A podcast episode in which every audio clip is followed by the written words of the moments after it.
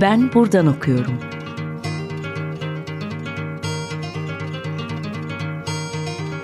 Edebiyat ve başka şeyler.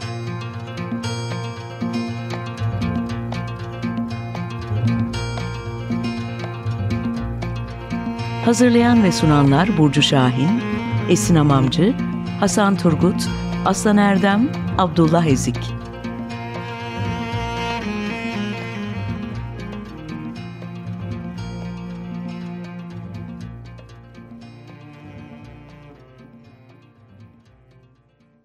Radyo severler merhaba. 95.0 Açık Radyo'da Ben Buradan Okuyorum başladı. Ee, ben Aslan Erdem. Bugün e, Ulaş Bager Aldemir ile birlikteyiz. Ee, Ulaş'la yeni çıkardıkları kitabı konuşacağız. Ah o zamanlar sanatçıların Ankara'sı kitabı. Bir Ankara kitabı yaptılar. Ulaş hoş geldin. Merhabalar. Ee, Ulaş Ankara'dan ayağının tozuyla geldi ve hemen radyoda buluştuk. Çok kısa kendisinden bahsedeyim. Ee, Ulaş 1994 Ankara doğumlu. Ee, yazdığı öyküler, denemeler, makaleler ve şiirleri Varlık Roman Kahramanları, Sincan İstasyonu, Kitaplık, Cumhuriyet, İlk Yaz gibi dergilerde yayınladı. Ee, felsefe alanında master yaptı diye hatırlıyorum. E, lisans, lisans. Lisansı bitirdi. Ee, şu sıralar bir yandan e, yazı işlerine devam ediyor. Bir yandan yayıncılık e, faaliyetleri içinde. E, Ulaş'ta dediğim gibi Ankara'yı konuşacağız. Şimdi Ulaş bir e, şeyle başlamak istiyorum aslında. Senin kitaba yazdığın ön sözle başlamak istiyorum. Çünkü ön sözde e, Ankara için bazı ufak ufak nitelemeler var. E, onların tanımlamaları var. Sonrasında Ankaralılar için kullandığım bazı ifadeler var. Biraz bunları toparlayıp topu sana atacağım.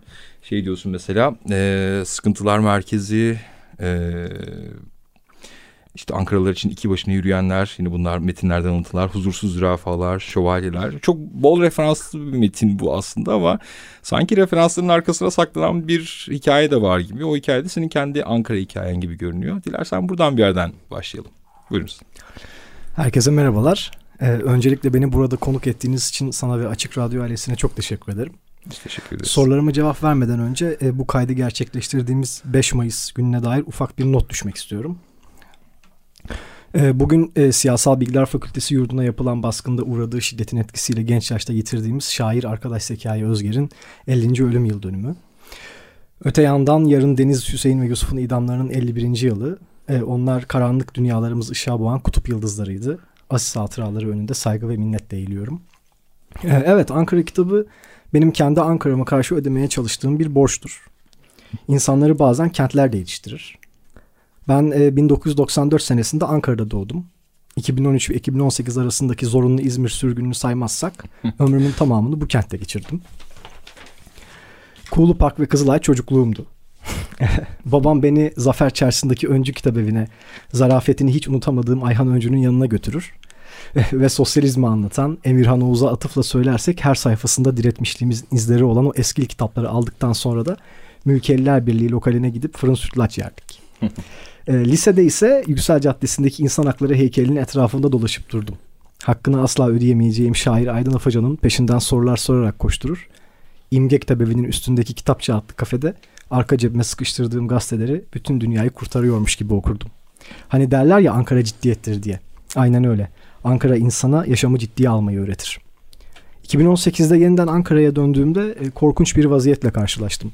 Konur Sokak başta olmak üzere Kızılay neredeyse yok edilmişti. Pandemi de başlayınca her şey iyiden iyiye çığırından çıktı zaten. Ama Dil ve Tarih Coğrafya Fakültesindeki felsefe bölümü dersliğinin camlarından Anıtkabir'e doğru baktığımda yaşadığım duygu yine de dünyalara bedeldi. Öyle ya, Behçet Necatigil gibi iki başına yürüyenlerin ya da Ahmet Teli'nin deyişiyle huzursuz bir zürafa gibi kızlarda dolaşan Cemal Süreyya'nın geçip gittiği bu kent, Hüseyin Ferhad'ın o müthiş mısralarında da söylediği gibi bir şövalyeler, şairler ve diğer kamlar kasrıdır. Son olarak Ankara benim için aşk demektir. Ee, başka hiçbir kentte aşık olamayacakmışım gibi hissederim. Gel gelelim Ankara kitabı da ki bunu ilk kez açıklıyorum. Unutamadığım bir aşkın bana bıraktığıdır. Kuğulu Park'ta Cindah yokuşundan aheste inilmiş bir öğle vaktinde kulağıma fısıldanan ve Susan Sontag'a ait olan şu cümleleri duyar duymaz Ankara kitabını hayal etmeye başlamıştım. Şöyle diyor Susan Sontag. Bu gene geçmişin baştan çıkarıcılığı olsa gerek. Şu anın geçmiş zaman olmasını bekle. Nedenle mutluyduk anlayacaksın. Teşekkürler. Biraz şeyi de e, belki konuşmalıyız. Bu bin sayfayı aşkın bir kitaptan bahsediyoruz. Kocaman bir kitap ve e, çeşitli yazarların, çeşitli sanatlardan insanların e, katkı sunduğu da bir metin. E, nasıl bir hazırlık süreci oldu ve ne kadar sürdü bu kitabı toparlamak? Şimdi Susan Sontag'ın cümlelerini duyduğumda 2019 senesiydi. Lisede sıra arkadaşım, bütün hayatımda ise yol arkadaşım olan sevgili dostum Fatma Sıla Sandal'a kitabı da beraber hazırladık kendisiyle. Hı hı. Mülkelilerin üst katında acaba bir Ankara kitabı mı hazırlasak dediğimi hatırlıyorum. E, bir sene sonra pandemi başladı ve ben nefes alamaz oldum. E, benim gibi hayatı kasten daraltanlar için yaşadıkları dar çevre her şeydir. Sokaklar, mekanlar, gökyüzü her şey elimizden kayıp gitmişti. Sıla'ya ve o zaman henüz yollarımızı ayırmadığımız dostlarıma Ankara kitabını hazırlayalım artık dedim. Çünkü nefes almamız lazım. Tunalı'daki bir pub'da az önce ismini e, zikrettiğim Aydın Hoca'yla, Aydın Afacan'la ilk taslak listeyi hazırladık ve çalışmaya başladık.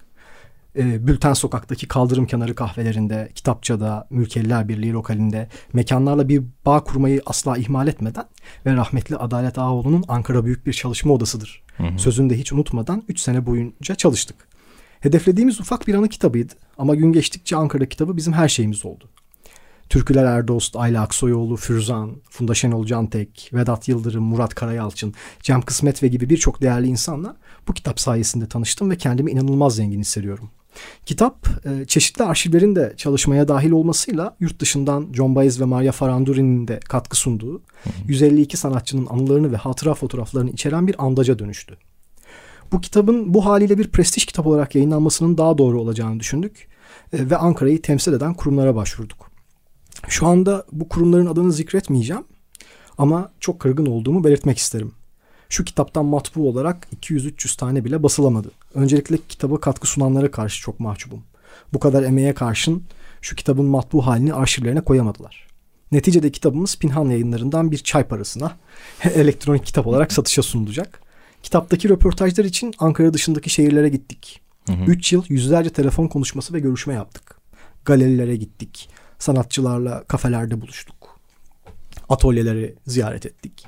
Demem o ki ekip arkadaşlarımla beraber her şeyi cebimizden, kendi imkanlarımızla karşıladık.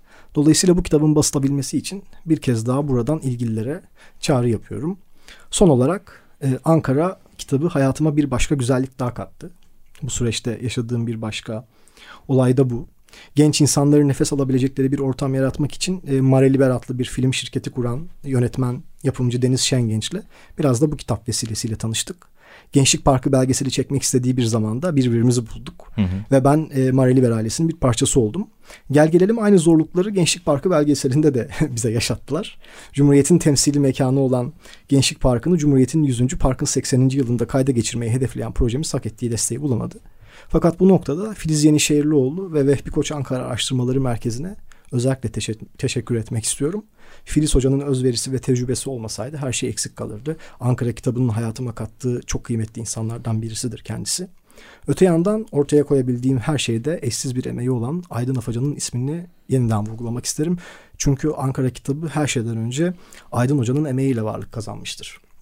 Ve tabii ki Sıla, Deniz Hanım, Kerimcan, Birsel abla, Kardelen dostlarıma çok şey borçluyum. Hı hı. Evet bir kolektif çalışma olduğu çok belli. Yani bu kadar büyük oyunlu bir çalışmanın e, kişisel bir hikaye bir yandan bir kolektif hikaye de evrilmesi çok normal. E, şeyi merak ediyorum aslında senin yazında başladık. Kitaptan e, birkaç yazıyı da seçip okudum. E, senin yazında da diğer yazılarda da çok böyle belirgin bir izlek, e, bellek meselesi var bir yandan. Bir yandan da yoğun bir nostalji duygusu var. Şimdi kentler çok hızlı değişiyor. Ankara gibi İstanbul'da çok hızlı e, kimlik ve görünüm değiştiren bir şehir. Fakat biz bayağı nefret ediyoruz bu kentten. Sizde bu sevgi hala devam ediyor. Niye bu kadar e, yoğun nostalji, bellek ve sevgi üzerinden yürüyor bu iş? Biraz Ankara'yı neden bu kadar çok seviyorsunuz kardeşim? Şimdi öncelikle bellek ve nostalji meselesinden başlayayım. Ee, benim öteden beri şöyle bir iddiam var. Hiçbir şey geçmiş kadar güzel olamaz. Aslında belleği ve hatırlamayı merkeze alan felsefi bir spekülasyon bu. İngiliz filozof Berkeley'nin var olmak hatırlamaktır düsturunu, var, ol, e, var olmak algılanmaktır düsturunu, var olmak hatırlamaktır şeklinde uğratıyorum. E, Bergsoncu bir yerden bakarsak algılamak hatırlamaktır da diyebiliriz. Gel gelelim her şeyin akıyor olması, e, Nami Diyar işte Heraklitos'un Pantarei olarak ifade ettiği durum varoluşumuzu mutlak bir biçimde hüzünlü kılıyor. Dolayısıyla geçmiş oldukça lirik bir kavram. Ama geçmiş ve dolayısıyla nostalji lirizm için dolayımsız bir ilki olduğu halde kamusal yani siyasal yaşam için öyle değil. Ama yine de Örneğin Walter Benjamin, Ernst Bloch ve Michel Levy gibi Marksistlerin geleceği ve ütopyayı geçmişin bir vaadi olarak gören yaklaşımları inanılmaz heyecan verici. Hı hı. Geçmiş içinde geleceğe dönük gerçekleşmemiş bir vaadi barındırıyor bence. Özcesi e, lirizmdeki dolayımsızlığı içermese de kamusal yaşantıdaki nostaljinin de geçmiş özleminin de bir anlamı var. Ve Ankara bu iki ufkun birleştiği bir görünüm arz ediyor. Hem hatırlayarak yaşıyorsunuz ve geçmiş mutlak bir biçimde özleniyor. Hem de geçmiş size bir gelecek ufku sunuyor ve yarınlar için hayal kuruyorsunuz. Peki biz Ankaralılar neden Ankara'yı bu kadar önemsiyoruz? Sunuşta da belirttiğim gibi Ankara soyut, dolayımlı ve anlaşılması için özen gösterilmesi gereken bir kent. Onu somut ve iri yapılara referans vererek anlayamıyoruz. Tarih duygusunun sadece görkemli bir yapı karşısında yaşanmadığı, belleğin bütün gündelik hayata nüfuz ederek değiş yerinde ise bir ruh haline dönüştüğü bir kent burası. Ben bunun e, Funda Şenol Can Tey'in deyişiyle söylersek Ankara'nın inşa edilmiş, yapılmış, icat edilmiş bir kent olmasıyla da ilişkili olduğunu düşünüyorum. Yani kentin tarihin belli bir noktasında radikal modernist bir yapıntı olarak değiş yerinde ise kesintiye uğratılması bir mazi arayışını da sürekli hale getiriyor. Ayrıca Ankara özgün haliyle yapılara boğulmuş bir kent olmadığı için ki ilk 30'ların Ankara'sına baktığınızda e, bir bozkır var. Sanıyorum Cevdet Kudret'in sözüydü. Yanlış aktarıyor olabilirim. Bir tiyatro dekoruna benzetiyor Ankara'yı.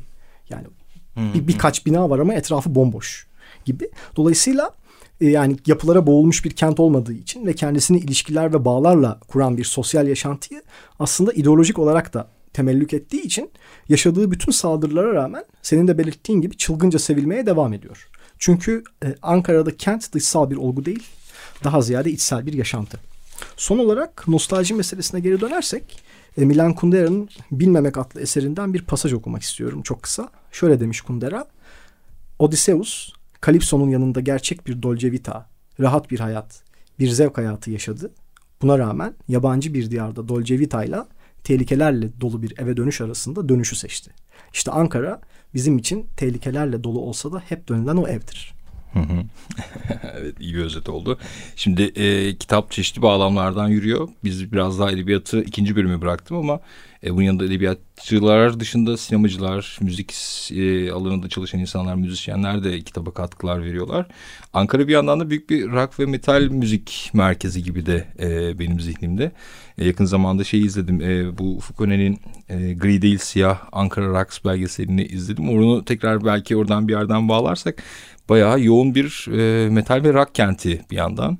E, pek çok grup var, pek çok e, sıkı grup var. E, hala devam eden gizli bir yerde belki bir metal yıkıntı var ama şey biraz daha e, soft bir yere döndü belki. O rock kültürü biraz daha baskın hale geldi. E, şimdi şarkı arasına girmeden önce istersen kitapta burada neler var biraz onu konuşalım. Sonrasında kısa bir şarkı arası vereceğim. Şimdi Ankara az önce de belirttiğim gibi doğru ya da yanlış bulalım. ideolojik sahiplerle tasarlanmış bir kent. Ankara'nın örneğin bitki örtüsüne ters olsa da çamlandırılmış olması ya da Jansen, Lörher, Lövo, Bruno Taut, Holzmeister ve gibi Avrupalı sanatkarlar tarafından imar edilmiş edilmesi kuşkusuz ki tesadüf değil. Dolayısıyla Ankara'nın müzikal serüvenini de bu minvalde okumak gerekir. Örneğin çok kişi bilmez ama Gençlik Parkı'nda 1950'lere kadar e, o dönemki deyişle muhteşem müzik caz dışında bir müzik türünün icra edilmesine izin verilmemiştir. Öte yandan Cumhurbaşkanlığı Senfoni Orkestrası ve devlet konservatuvarlarının varlığı Ankara'yı Türkiye'nin müzik kültürü açısından da bir merkez haline getirmiş. Dolayısıyla bugün popüler kültüre damgasını vuran birçok ikon Ankara çıkışlı. Yeni Türkü mesela. mesela. Selim Atakan'ın Ankara'daki evinde palazlanmış. Ya da örneğin Ezgi'nin günlüğünün çok popülerleşen Düşler Sokağı adlı parçasını Nadir Göktürk Nesli Çölgeç'in Ankara'yı Seviyorum adlı belgeseli için bestelemiş. Hı hı. Ki adı geçen bu sanatçılar da kitabımıza katkı sundular. Gel gelelim Ankara senin de belirttiğin gibi bir rock barlar kentiydi. Örneğin Manga, Gölge ve Limon gibi yerlerde nüvelenmiştir. Hı hı. Ferman Akgül yazısında bu mekanlara özellikle değiniyor. Ya da Cem abi, Pilli Bebeğin kurucusu Cem Kısmet, Sakarya Caddesi'nde Pilli Bey'in temellerini atmış. Hı hı. Ayrıca türkü barlarını da anmak gerekir, anmak gerekir Ankara'nın. Bize ilham veren fotoğraflardan biri de örneğin Fikrim Bar'da çekilmiş bir Neşet Ertaş fotoğrafıydı. Ulus Baker'in Tayfun Atay'la yan yana göründüğü 2005'te çekilmiş bu fotoğraf yanılmıyorsam. Evet. Herkesin Neşet Ertaş'ın etrafında toplandığı bir fotoğraftır bu. Gel gelelim yine kitaptaki yazılarda da bahsedildiği gibi Çankaya Belediyesi'nin şu anki yerleşkesi bir türkü barlar kompleksiydi eskiden. Yanılmıyorsam grupçı da orada çıkıyordu. Ve ayrıca Kürt müziği için de belli bir mahvil söz konusuydu. Kardeş Türküler ve Bajar'ın ki Bajar da bir rock grubu aslında. Solistlerinden Vedat abi de kitaba katkı sundu. Ki o da aslında Ankaralı bir müzisyendir. Hı hı. Kısaca Ankara Türkiye'nin müzikal kültürü açısından da belirleyici bir kent. Ee, bir diğer nokta e, bir kısa not olsun. Vega çok önemlidir. Mesela rock hı hı. meselesi bağlamında. E, Deniz Özbey kitaba katkı sunamadı çeşitli sebeplerden dolayı. Ama e, Vega'yı da özellikle vurgulamak gerekir diye düşünüyorum. Evet aslında Vega'da çalabilirdik ama biz bir Pili Bebek evet, şarkısı. Kızıl Yer'dan yani onun özellikle nakaratı e, bir derinliğin sarhoşları. Yani bir derinliğin sarhoşları hakikaten Ankaralılar ya. yani... Pekala o zaman e, şimdi Pili Bebek'ten bir ara yapalım. Kızıl Yer'dan dinleyelim. Buyurunuz. Radyo Süperler yeniden merhaba. Ben buradan okuyorum. Açık Radyo'da devam ediyor. E, bugün Ulaşma Yer'le birlikteyiz ve Ankara kitabını konuşuyoruz. E, bir Ankara müziğine e, ara verdik. E, Pilli Bebek'ten Kızıl Yerdan'dan bir bölüm dinlemedik. Daha uzun bir şarkı aslında ama e, kısmına kulak verelim gibi bir şey yaptık. Şimdi e, bir edebiyat kitabı da aslında Ankara kitabı. Ve Ankara bir edebiyatçılar kenti. Aslında bu e, ulus devletleşme süreciyle beraber Ankara'nın bir merkez olması, bu ulusal edebiyat tartışmaları falan filan bunlar çok e, aslında bizi savurabilecek tartışmalar. Bir yandan düşündüğümüzde işte Tanpınar, Haşim, işte Adalet Avlu, Sevgi Soysal, bu tarafa doğru geldiğimizde Barış Bıçakçı, Şükran Yiğit e, çok sevdiğimiz, sık sık döndüğümüz yazarlar. Nasıl bir imge var Ankara'da ve bu imge nasıl dönüştü? Biraz burayı toparlayarak bitirebiliriz. Şimdi Ankara erken Cumhuriyet döneminde Kemalist modernleşme ve Osmanlı'nın hayaleti arasındaki gerilimin edebi bir temsiline dönüşmüştü. İstanbul trajik ve eskiydi, Ankara ise heroik ve yeni. Gel gelelim 27 Mayıs'la beraber palazlanmaya başlayan ve Cumhuriyet'in ilerici dinamiklerinde sahiplenen sosyalist fikirler edebiyattaki yönsemeleri de değiştirdi haliyle. Kentle, modernleşme serüvenimizle hesaplaşan, sınıfı, varoşları gündeme getiren yeni bir edebi tahayyül doğdu. Fakat bu serüven içinde Ankara hep bir mesele olmayı sürdürmüş ve her ne kadar tezat görünseler de Tanpınar'ı Yakup Kadri ile Sevgi Soysal'ı Ahmet Haşim'le buluşturan bir izlek ortaya çıkmıştır. Örneğin şahsen benim Ankara'm Yenişehir'de bir öğle vaktinin Ankara'sından ziyade yürümekteki Ela'nın Ankara'sıdır.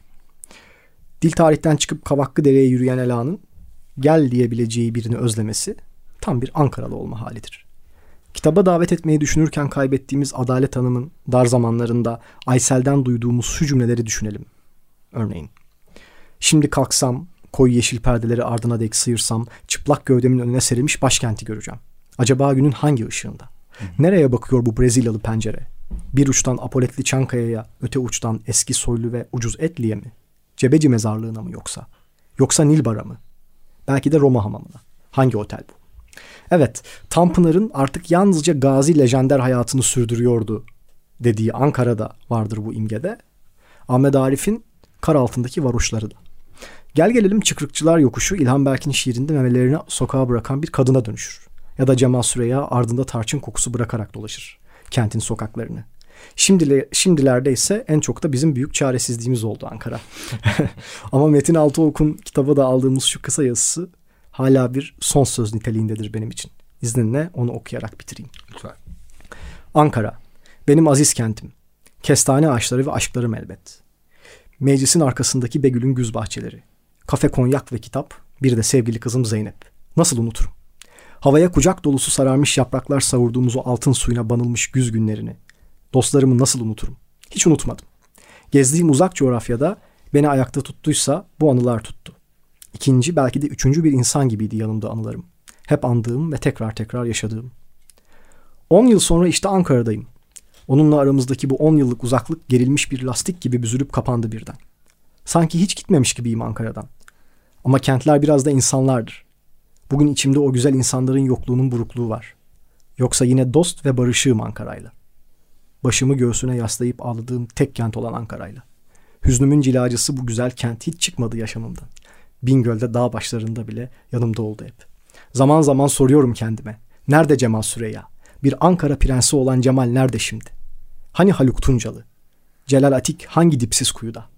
Ya o fırtına, ya o fırtına adam Ekrem Koçak? Nereye gitti? Ve ne oldu tavukçudaki o öğle rakılarına? Coşkularım tarazlandı benimse. Umudumda güve yenikleri. Pas kokuyor aşklarım ve artık patlak bir tefle dolaşıyorum elimde Ankara sokaklarını. En kötüsü de yaşlandı zamanımın güzel kızları. Bir boşluk var yaşamımda. Yüreğimde devrik bir sac ayağı. İtiraf edeyim ki eskisi gibi içemiyorum da artık. Ağrıma gidiyor bu durum. Ankara, benim aziz kentim. Sen kendini biraz fazla koy verdin, bense gençlik taşıyorum hala. Oysa sende hep bir kuvayi milliye ruhu olmuştur. Birinci yeni sende başladı, ikinci yeni de. Bakıyorum da şimdi herkes İstanbul'a göçüyor. Senin gözün yaşlı, benim kanadım kırık. Oysa bu böyle olmamalıydı. Çünkü şiirin gerçek başkenti sensin. Ölürsem senin toprağına gömülmek isterim. Varsın sende çürüsün bedenim. Herkes bıraktı beni senden başka ve herkes göz ucuyla bakıyor yok sayarak sana. Seni parlamenterizmin kucağına attılar, beni gömdüler acılarıma. Yine de kaşımıyoruz birbirimizin sırtını. Çünkü alışık değiliz buna. Hırçınlıklarımı bu yüzden bağışla, hoş gör sarhoşluklarımı. Ve bunca yıldan sonra parasızlığımı yüzüme vurma. Kapım ve yüreğim her zaman açık sana. Bunu bil, sakın unutma. Teşekkür ederim. E, Metin Altıok'tu.